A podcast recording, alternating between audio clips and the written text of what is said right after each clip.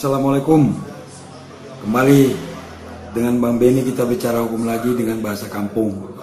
Bahasa sederhana saja. Akan ada yang bertanya tentang jaminan fidusia. Karena sering kita mendengar bahwa kalau tanpa ada jaminan fidusia atau tanpa serti adanya sertifikat fidusia atau tidak didaftarkannya jaminan fidusianya maka pihak leasing tidak boleh menarik kendaraan pada nasabah begitu saja. Makanya sekarang kita coba bahas tentang fidusia ini. Jadi rekan-rekan, menurut Undang-Undang Nomor 42 Tahun 99 tentang jaminan fidusia, ya, fidusia adalah pengalihan hak kepemilikan suatu benda atas dasar kepercayaan dengan ketentuan bahwa benda yang hak kepemilikannya dialihkan tersebut tetap dalam penguasaan pemilik benda. Gitu rekan-rekan. Contohnya, sebagai contoh nih, si A menyerahkan buku pemilik kendaraan bermotornya kepada si B, ya. Tetapi sepeda motornya tetap dikuasai oleh si A. Nah, praktek ini termasuk fidusia karena hak kepemilikan sepeda motor yang dibuktikan dengan BPKP telah diserahkan kepada si B. Sedangkan penguasaan atas barang jaminan atau sepeda motor tetap pada si A. Begitu. Dengan gampangnya begini. Saya serahkan motor kepada Anda. Karena kepercayaannya. BPKP-nya sama masih sama saya. Motor Anda kuasai, rekan-rekan tapi kepemilikan masih masih saya punya ya kan? nah, kalau dikali dikaitkan dengan leasing tadi bahwa sebelum anda melunasinya per, perjanjian fidusia itu masih berlaku ya. Artinya biarpun kendaraan berada pada anda tapi kepemilikan masih kepunyaan saya. Itulah artinya fidusia.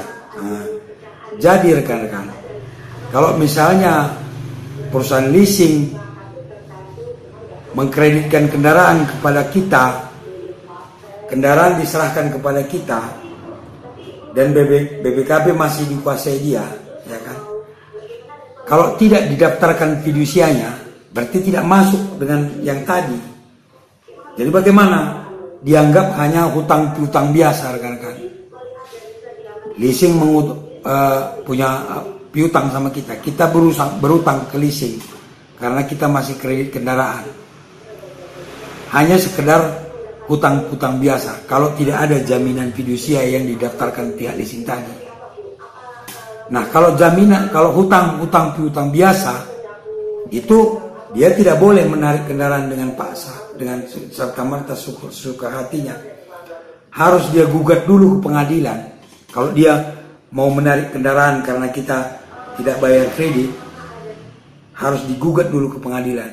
Nanti kalau mereka menang di pengadilan, pengadilanlah yang mengeluarkan putusan untuk menyita kendaraan dan diserahkan kepada leasing. Itu kalau utang piutang biasa. Tapi kalau didaftarkan fidusianya, berarti seperti tadi, kepemilikan masih tetap di leasing walaupun kendaraan sama kita. Kalau kita gadaikan, pidana kita penggelapan karena punya dia. Atau kita jual. Atau kita alih tangankan. Makanya saya sering katakan jangan dialih tangankan diturunkan. Jadi kesimpulannya bahwa eh, pihak leasing harus mendaftarkan fidusia jaminan fidusia kendaraan yang dikreditkannya kepada kita. Supaya berlakulah undang-undang fidusia di situ bahwa meskipun kendaraan ada sama kita, kepemilikan tetap pada leasing. Jadi ketika kita melanggar janji, dia bisa narik atau memiliki hak eks eksekutorial gitu. Mudah-mudahan ini bermanfaat. Kurang lebih saya mohon maaf, jangan diperdebatkan. Ini hanya pendapat hukum. Kalau berbeda pendapat boleh, tapi jangan uh, dibawa berbeda pendapat ke mana-mana. Kita fokus ke sini. Mudah-mudahan berguna. Kalau ada yang mau ditanyakan boleh seperti biasa di WA atau di komen, ya kan. Dan kalau kurang sempurna, mohon maaf berkarakan karena inilah cuma kemampuan kita. Terima kasih atas perhatiannya. Tetap semangat, jauhkan diri dari masalah.